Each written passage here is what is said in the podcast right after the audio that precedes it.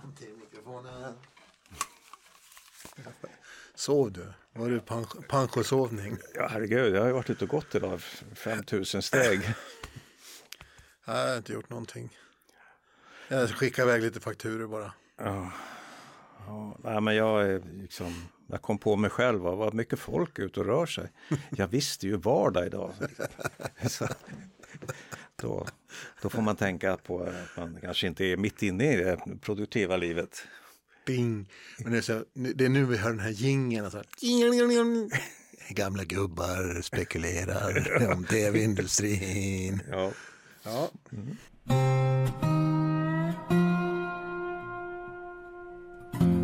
Den här podden heter Berman och Edman och den kommer handla framförallt om tv och 80 och 90-talet. Men vi kommer också att prata om en hel del annat. Nu är vi igång. Ja, jo, nej, men alltså det finns ju alltid jättemycket att prata om vad gäller vad som hände på, om vi nu vidgar begreppet, 70, 80, 90-talet. Ja, just det. Det är liksom då, då är det mitt spann. Eh, det var då jag började jobba med, med sånt här rörlig bild och tv och, mm. och sånt. Jag började ju lite senare. Ja. 70, ja. Men mitten på 70-talet är ändå en sån här tv-upplevelse. För jag bodde ett, ett år i USA. Just det. Och det var ju en helt annan mitt starkaste tv-minne från det, vet du ja, vad det är? Kul. Ja. Det är när jag en lördagkväll råkar sitta inne och så kommer det något galet nytt program som heter Saturday Night Live. Ah. Och som alla snackade om i skolan veckan efter. Belushi.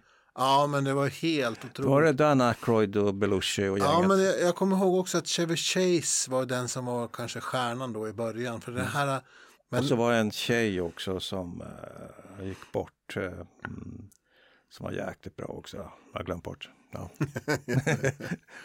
gick bort, glömt bort. Ja, ja så är det. Så, det, så vi ska alla uh, vägen vandra. Kavner hette hon tror jag. Ja. Det var genomhäftigt i alla fall. Tycker mm. jag också. Så det var väldigt mycket eh, väldigt mycket det som komma skulle till Sverige så småningom var ju redan det igång på 58 channels and nothing on eller vad det heter. Var det så tidigt som 75 alltså? Ja, jag var där 75-76. Hur var det att vara svensk då och landa i, vad var det? Var Up, upstate New York. Okej. Okay. Så det var ju liksom. Vet att det var ju precis där jag var, mitt första Amerikabesök också var ju upstate New York. Ithaca. Ithaca, ja men det låg nära.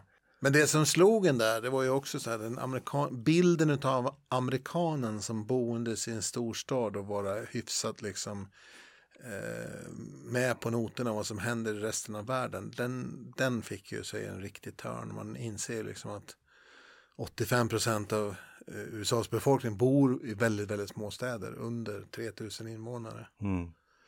Mm. Och, småstaden och kyrkan är liksom det som räknas. Och det som händer där på tv i storstäderna, det är samma sak som vi ser. Det är väldigt främmande för de människorna ja. också. Ja.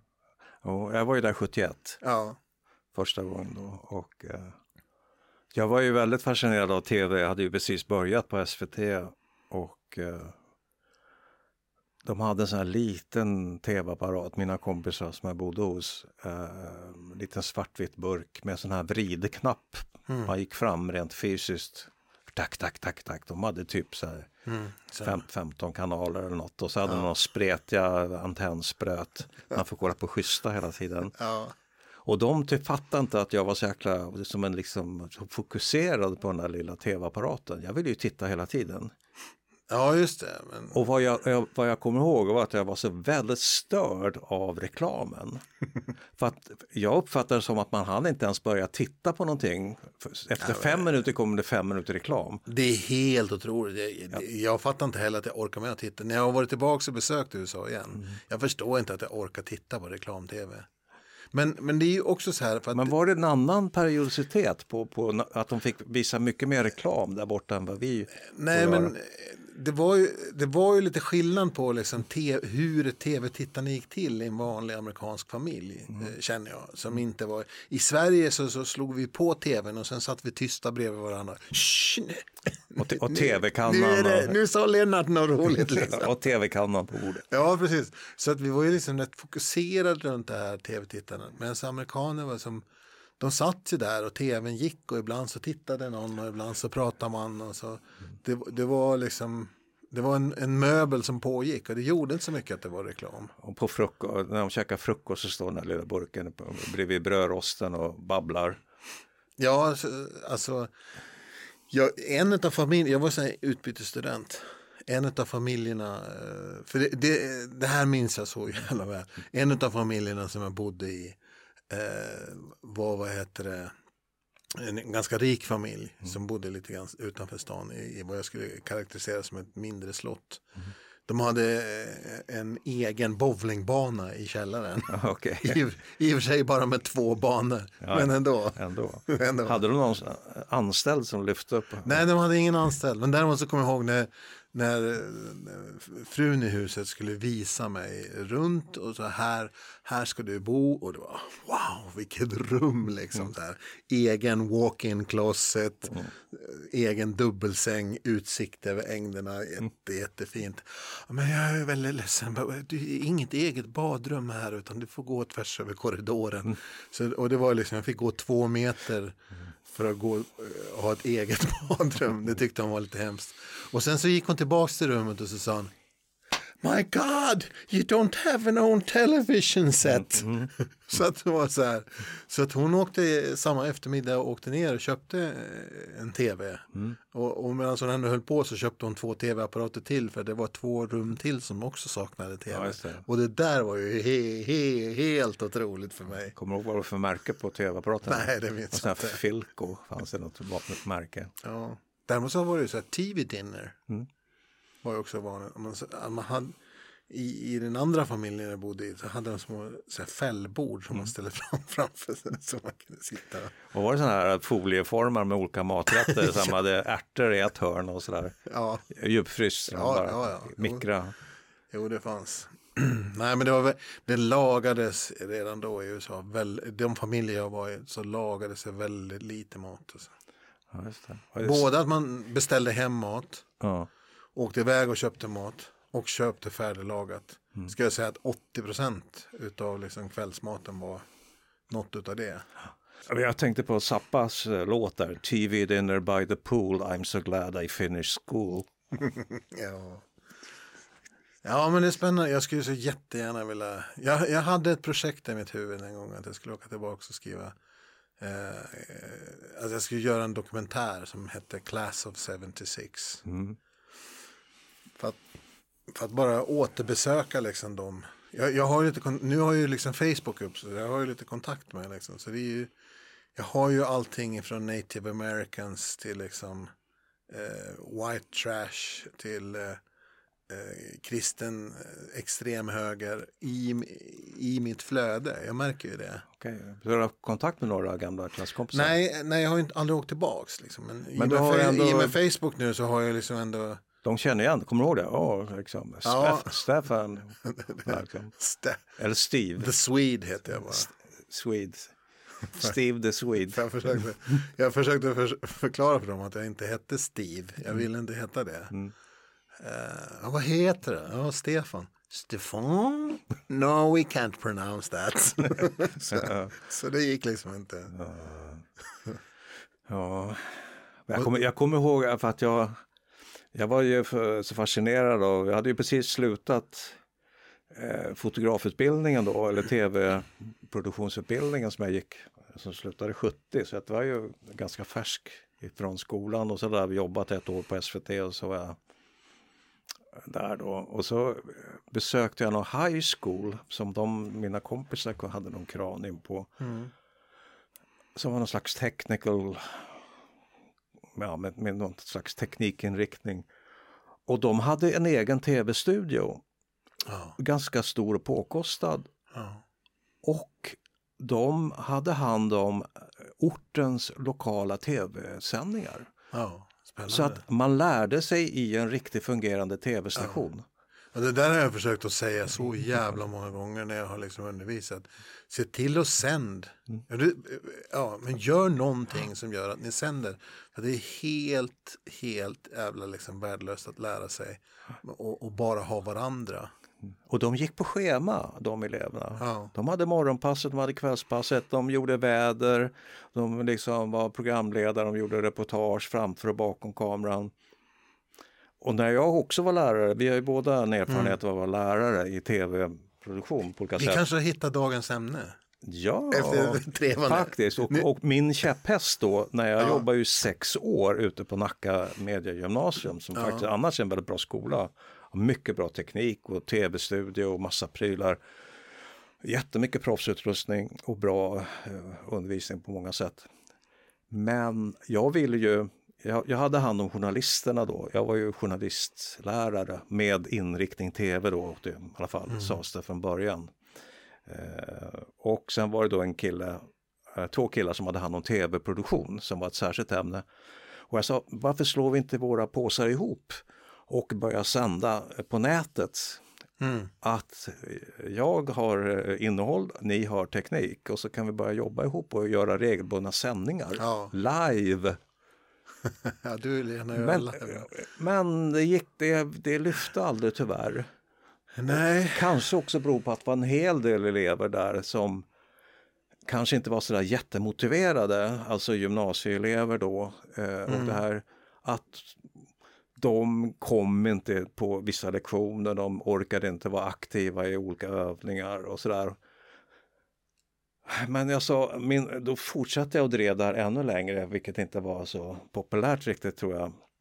Att det gör ingenting om 30% av eleverna inte är aktiva riktigt. Nej. Utan att de bara är med, för de kommer att se hur roligt alla andra har som jobbar och har roller eh, i direktsändningarna och sådär. Och så märker de också att det blir ett respons ifrån yttervärlden. Jag tittade på era sändningar igår, vad kul! Och skillnaden är också att om man tittar på människor som faktiskt försöker göra, nå andra människor i en sån process där det är liksom, så lär man sig av att bara sitta bredvid och titta. Vilket man inte gör om det är en låtsaslektion, hävdar jag. Då Ja. lär man sig ingenting av att sitta bredvid. Jag håller med dig. Du, du är jätte, jag håller med dig Steve. Steve. You can't call me Steve, Men alltså, jag, say jag får säga, Stefan. jag, jag, liksom, jag vet inte, det är så... eh, Min erfarenhet av eh, olika former av kurser eh, i, i tv-mediet i Sverige på olika sätt har varit att det har varit väldigt mycket liksom övningar utan mål. Att Ja, det kanske har blivit några redigerade grunker de visar upp och sådär. Men, men eh, jag saknar just den här att man jobb, jobbar, learning by doing, liksom, att man jobbar sig in i ett tänk vad gäller just media. Här har vi, kameran går, 5000 pers tittar, eh, det händer någonting här i det här rummet, du har två kameror, du har en knapp att trycka på, kamera ett eller två. Gör någonting nu och du ligger ut, varsågod, starta nu. Ja. Jo, men grejen är så här, jag känner att det där, Den där nerven se, efter. ja, men jag vet, men den där sitter ju liksom i, i dig och mig. Och jag kom på det, för mig har det liksom två rötter. Dels den roten som har det här gemensamt. Och det är ju, som du och jag har gemensamt. Det är ju så att jag började ju att jobba precis så här. Jag lärde mig på jobbet. Jag hade ingen skola. Den frilansgenerationen som är samtida med mig, vi hade inga skolor att gå till. Antingen så kom man från SVT och hade fått en skolning inom det, vilket du hade i och för sig fått då. Eller också så kom man utifrån och var jävligt intresserad och drog sig in i det här och fick lära sig bit för bit för bit av andra och hur det gick till och hur det gjorde. Och, det, och, och också hur överlägset den metoden är alla andra metoder. Mhm. Det, det känner du igen. Ja. Det andra som jag slogs av, det var ju att jag, var, jag hade Han håller just upp två fingrar. två fingrar. Tack. Tack, ja just det, det är radio. Det andra som, som eh, jag påverkas av det här, det är, ju- jag hade ju liksom eh, några år i mitt yrkesliv där jag faktiskt jobbade som lärare för besvärliga barn. Mm. och då var ju rätt påverkade eh, bland annat av en pedagog, sydamerikansk pedagog som heter Frené. Mm. Och som pratade om arbetets pedagogik. Mm. Känner du igen det? Nej. Nej. Men då ska jag upplysa dig. För det är jävligt intressant nämligen tycker jag också. För han var jätte, jättestor i stora delar av världen men inte i Sverige på grund av att han slog aldrig igenom i USA. Mm. Det hörs ju på namnet, mm. arbetets pedagogik. Det är, ja. det är stor, ja. det är socialism. Ja, just det. Ja. Men han, om man ska sammanfatta det så var det så här. Ett, han, eh, hans det producerades aldrig en text eller en bild av en elev om den inte skulle eh, konsumeras eller tas emot på riktigt av någon annan. Det var jätte, jätteviktigt i hans pedagogik. Så att, så att om man gjorde till exempel hemkunskap som gjorde man liksom eh, böcker om hemkunskap om sin egen bygd som man sen skickade till grannskolan och sa kolla kan inte vi få lära lite grann om eran så får ni våran så att man när man gjorde material, mm. när man, så gjorde man inte, man gjorde inte uppsatser om de inte skulle läsas av någon. Man gjorde inte eh, en, ett collage mm. om den inte skulle tas emot av någon. Mm. Och det här är ju liksom det andra benet som jag egentligen upptäckte efteråt när jag hade undervisat ett tag. Vänta lite grann. det här som jag gör är ju faktiskt arbetets pedagogik. Det som vi gjorde och som vi känner är det bästa är faktiskt arbetets pedagogik. Det vill säga det är först i den situationen när det faktiskt det som man kommunicerar ska användas eller tas emot av någon mm. som den riktiga inlärningen sker. Mm. Ja. Det kommer en liten fanfar nu känner jag. Tada.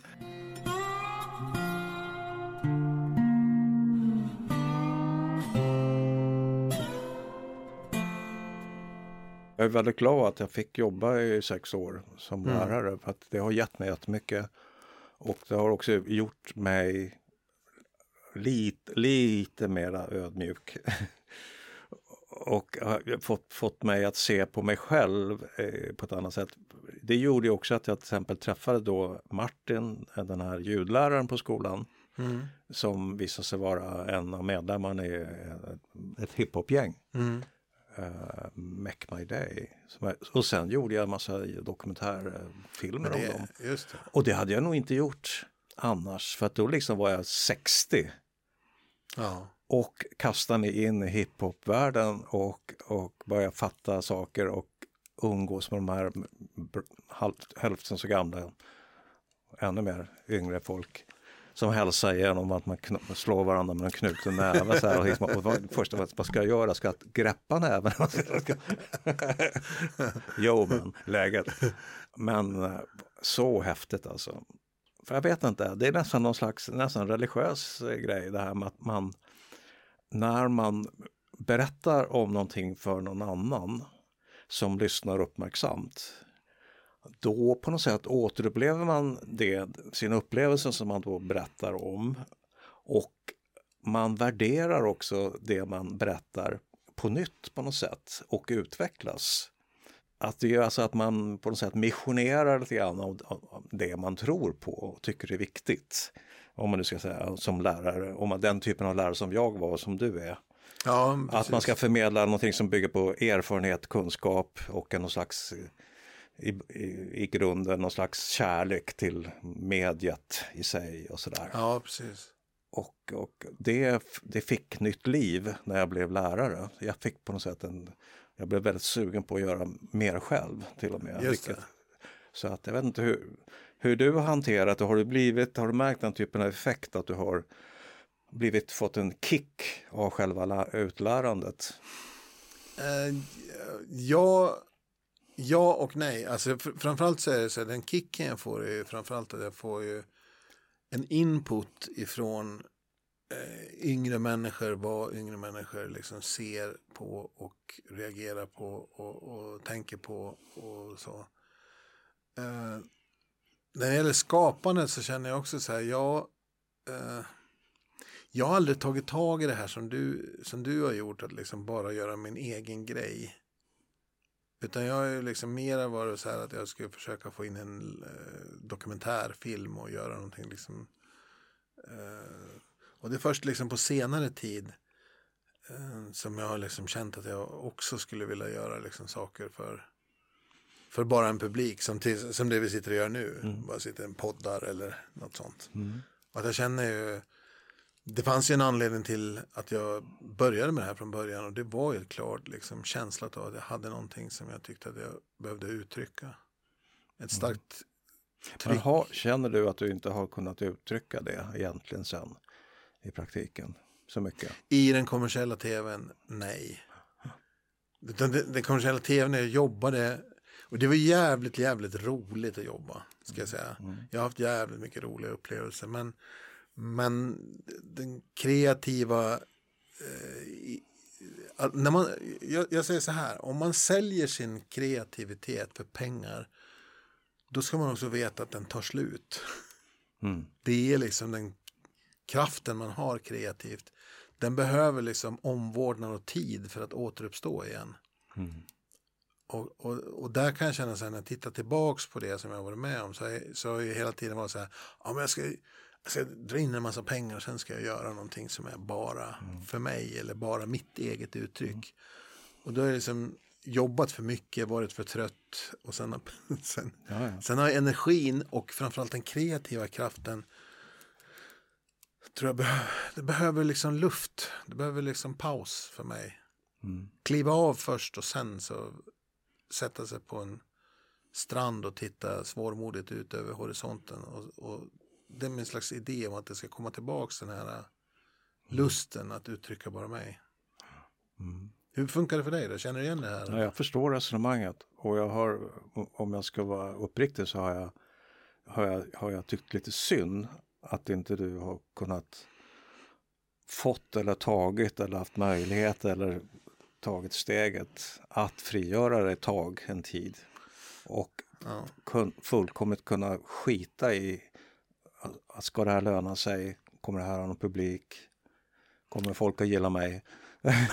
ja, men det, du har varit mycket friare i det känner jag. Men, det, jag Men jag är lite, jag hade ju för, alltså jag är ju den, jag är ju så himla tacksam för att jag fick jobba på SVT under de här fantastiska åren, årtiondena, 70, 80, 90-talet.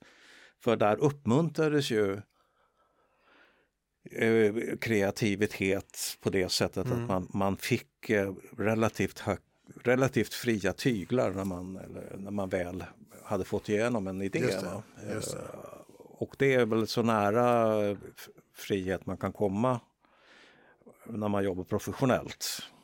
Ehm, Och idag vet jag inte hur det funkar längre. Men jag har för mig att det är mycket mer kringskuret om man nu kommer med en idé och lyckas sälja in den någonstans, som det nu är på, på ett produktionsbolag eller på SVT eller var det nu är någonstans, så är det att man ska...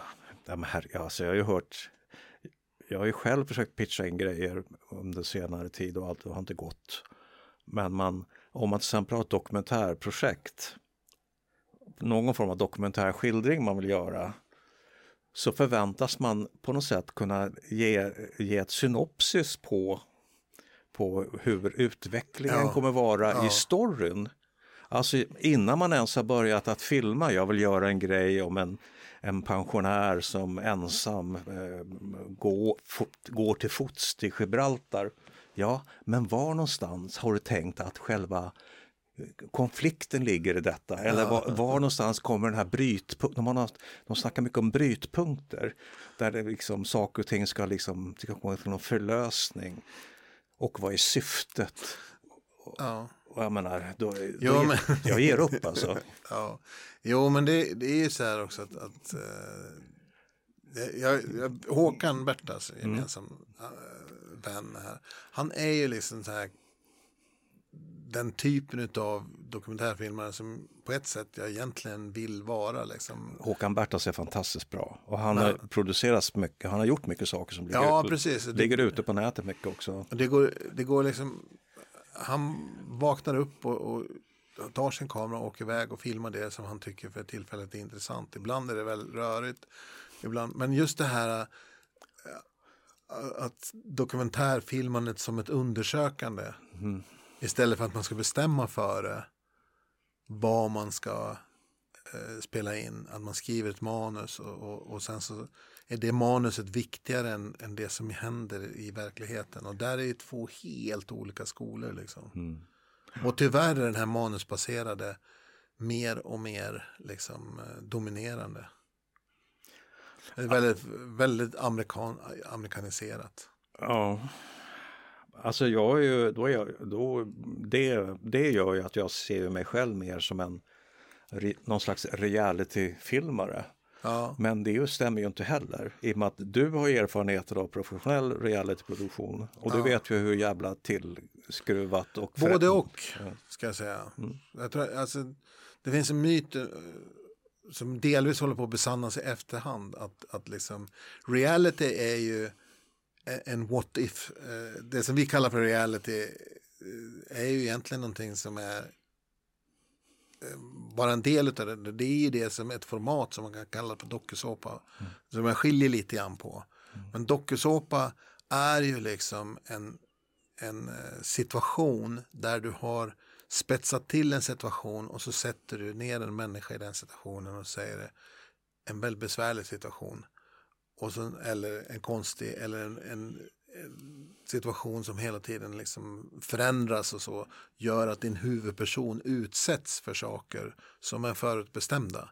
Men inuti att den har utsatts för, för bestämda saker så finns det ingenting som är konstruerat utan den människan, vad den gör och vad ihop vad gruppen gör och vad som händer i handlingen det utspelar sig på riktigt. Eller åtminstone gjorde det. och det här, det här tror ju liksom folk att allting i reality är konstruerat och det är det ju inte. Men däremot om du tittar på den amerikanska eh, så, så ser du att väldigt, väldigt mycket mer är. Det blir mer och mer konstruerat. Mer, och jag tittar bara som på Robinson igår. Jag vet att den första Robinson inte var så. Men jag ser, jag ser ju direkt, och ursäkta mig alla producenter, varenda människa kan, i hela världen kan se om en människa är tillsagd att gå på ett visst ställe eller om den går där av sig själv. Och när man, när man säger åt någon gå fram till den här människan och ställ den här frågan och så filmar man den och så har man lagt in ett klipp där vilket avslöjar alltihop. Och dessutom så känns det i hela situationen att det här är regisserat. Mm. Och regi, vi hade när vi gjorde liksom de här från början, vi hade regiförbud. Vi fick inte ens be någon att gå. Åh fan, jag missade när du gick ut genom dörren, kan du gå en gång till? Det fick vi absolut inte göra. Vilka produktioner var det? Farmen framförallt. Mm, mm. Men jag vet att jag var, jag var ju liksom involverad med folk som har liksom gjort de här Robinson och de här också. Det var ju strikt eh, cinema verité som vi körde på. Mm. Unscripted reality. Alltså, Visst, vi har satt upp en situation. Visst, vi har utsatt människor. Men i, inuti det, där fick vi inte påverka någonting. Vi fick inte säg, lägga ord i munnen. Vi fick inte be folk att göra saker eh, överhuvudtaget. Utan de skulle leva framför kameran. Och det gör man inte i USA. Och det märks jättetydligt. Men just det här, eh, det är ett bättre uttryck, unscripted reality egentligen. För, Ja. för det som jag egentligen skulle vilja fortsätta göra mer av. Men att man helt enkelt, någon kommer till mig och säger, ja, jag och mina polare, vi ska hyra en folkabuss och så ska vi åka till eh, Oslo. Och så ska vi gå på konsert och sen ska vi ha partaj på hotellrummet och så åker vi hem. Jättebra, säger jag. Och så hänger jag med med kamera. Men då påverkar inte jag dem. Nej. Utan jag skildrar det som händer och försöker så lite som möjligt vara att, att ja, målet är att de inte ska, de ska vänja sig vid kameran Ja, fort. och det är ju... och att man använder kameran på ett sånt sätt som gör att de till slut tröttnar på att glo på den. Ja. Och sen efter en, två timmar så börjar de bete sig som på riktigt. Det tar inte ens så lång tid i min erfarenhet. Folk tror ju liksom att vi, alltså när, eh, men även när jag gör dokumentär så jobbar jag på det viset. Den skolan är ju Cinema Verité eh, skola liksom. Och, och det går mycket, mycket snabbare än så. Och det handlar väldigt mycket om att man liksom är tydlig med sig själv och sina det, avsikter. Och det märks också tydligt på materialet därför att vad som händer då när jag inte har regisserat och när jag inte har smygfilmat. Det är att kameran får befinna sig som en legitim del av en händelse. Det är som att man är med fast bredvid och man, är man har tillåtelse hela tiden att vara med. Precis som att man vore eh, den här osynliga kompisen. Mm. Eh, och, och, och det känns direkt. Varenda människa, så jag, alltså folk som inte alls har filmat och så. För jag, eh, Märker du inte skillnaden? Det är klart jag gör. Och sen så tror ju folk då sen däremot att allting är liksom eh, scripted. Mm. Att vi har hittat på. Mm. Att vi har liksom sagt åt folk att göra saker. Ja. Men jag tror, eh, vad jag upptäckte, eller då det som hände när jag jobbade med de här, hängde med de här eh, hiphopparna. Ja. Det var att jag eh, blev ju någon slags kompis med dem. Ja. Eh, och jag tror att just den här vänskapen Ja. också gör att det hela blir mycket mer riktigt och varmt och avslappnat och kärleksfullt till och med. Ehm, Det, och det, men det, det tycker jag är ideala förhållanden. Att man behöver, jag menar, om jag med kameran syns i en backspegel eller råkar komma med och synas, det gör ingenting för att alla vet ju hur- Ändå att det är så. Ja. att det är så. Och att man inte försöker täcka eh, fel Och, och, och klippa du vet, förbiåkning med buss som är jätte, tar en timme och göra tre förbiåkningar, eller hur? Om man ska liksom, Ja, jag, det. jag, släpp av mig här och så åker du tillbaka fyra kilometer och så kommer du förbi och, och sen så stannar du där borta och sen åker du tillbaka åt andra hållet. ja. Och allt det där. och när man gör de här grejerna, då försvinner också den här närheten och den här... För det, för det som jag sagt också till en, till en kamera, det finns liksom ett, ett det finns ett socialt avstånd. Du kan aldrig gå hur nära en annan människa som helst utan att den liksom upplevs som jobbig. Och det här avståndet är olika, olika. Och, och på samma sätt så finns det liksom ett, ett till, en tillåtelse till någon annan att du får vara med och titta. Du får stå här. Och den tillåtelsen som huvudpersonen ger i det läget, det är det som uppfattas som att man faktiskt också får vara med. Tittaren är inbjuden i den här situationen. Det är inte påträngande på något sätt. Och det här bygger på att man som, som fotograf har eh, en enorm känsla för hur nära får jag gå? Hur länge får jag titta på någon som gråter? Mm. För väldigt mycket av det som jag säger nu har jag sett och lärt mig genom att betrakta dig. Har du tänkt på det? Ja. För du har det här i det också. Och det finns väldigt, väldigt många fotografer eh, som är bra realityfotografer som har det. Men det finns också väldigt många där ute idag som inte har det. Och då pajar hela realityn ihop. Det blir liksom ingenting. Då tvingas man till regi. Och, i och, med, och då kommer man in i den cirkeln. Och då får man liksom deltagare i, i den här. För Farmen är ju en sån. Det, what if? Vad skulle hända om vi sätter tio moderna människor i en hundra år gammal miljö och de lever under den och dessutom tvingas de rösta ut varandra en gång i veckan. Vad händer då? Den, den, det händer tillräckligt mycket i en sån situation utan att man behöver skapa någonting. Mm. Sen gillar jag faktiskt också, för där märker jag också där, de här eh, Gold Rush och, och krabbfiskarna på havet och så Ja, de där ja. Ja, men för, för de är till sin natur Ice, också. Ice Road Truckers. Eh, ja, inte lika mycket som den. För den, redan där så börjar det liksom gå ifrån den här nödvändigheten. För att om du ska skildra någon krabbfiskare så är det bäst att du är en fluga på väggen. För annars så slänger de fan i det i havet. Förstår du? Det finns inte, de tjänar pengar på det de gör. Och du får vara bredvid och bara försöka skildra det du kan få. Mm. Och det är det, då hamnar du den här uh, ofrivilligt i den här eh, situationen då du bara tittar på människor utifrån när man agerar och gör någonting som du bara får titta på från sidan. Du har inte en chans att regissera, vilket gör att jag tycker de är... Ja, jag, jag, jag kan fastna i det. Och, det och ta dem som exempel på liksom cinema verité, alltså fluga på väggen tv. Ja, ja. Där själva verksamheten är så viktig att du som filmare bara inte får påverka den för då får du inte vara med längre. Nej. Du, vilket långt samtal det här blev då. Blev det? Vad konstigt. Det Ja, startade så trevande. Och sen Och så, väldigt bra tycker jag. ja, eller hur? Jag tycker det var jätteintressant för att jag känner själv att jag att jag är också så här liten, liten brytpunkt i mitt liv. Att, att vad, vad är det jag vill göra nu de här åren som man fortfarande går på två ben och har huvudet i behåll någorlunda. Eh, liksom, det är nog det här att försöka fånga och förmedla de här känslorna om, av livets viktighet. Och eh, eh just eh, förstärka respekten till andra människor och, och kunna öppna, öppna kanaler för att människor ska förstå varandra även om man är på olika, väldigt olika platser i livet. Mm. Det är väl hur? Det låter väl jäkligt vackert. Det är väl liksom... Jag vill bara liksom uppleva de här stunderna av att få liksom närma mig andra människor och vara nyfiken på andra människor. Mm. Och det, att, att jag har fått privilegiet eh, genom att hålla i en kamera fått uppleva så många andra, många andra människors olika verkligheter. Det är verkligen det som, som, som gör att jag, jag fortfarande vill hålla på ändå. Jag var tveksam om jag ville hålla på när vi började prata. Nu känner jag så fan nu vill jag ut och filma. Du måste komma igång och göra något eget, Stefan. Ja, så är det.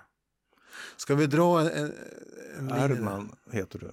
Erd, Erdman, säger Ja, det, podden som ni nyss har lyssnat på heter Berman Edman. Och Erdman. Vi tackar idag. Tack. Godnatt. Eller god middag. Podden du just har lyssnat på producerades av produktionsbolaget Berman och Erdman Produktion. Musiken kommer från audionautics.com och du följer oss på Facebook där vi har en grupp Berman och Erdman.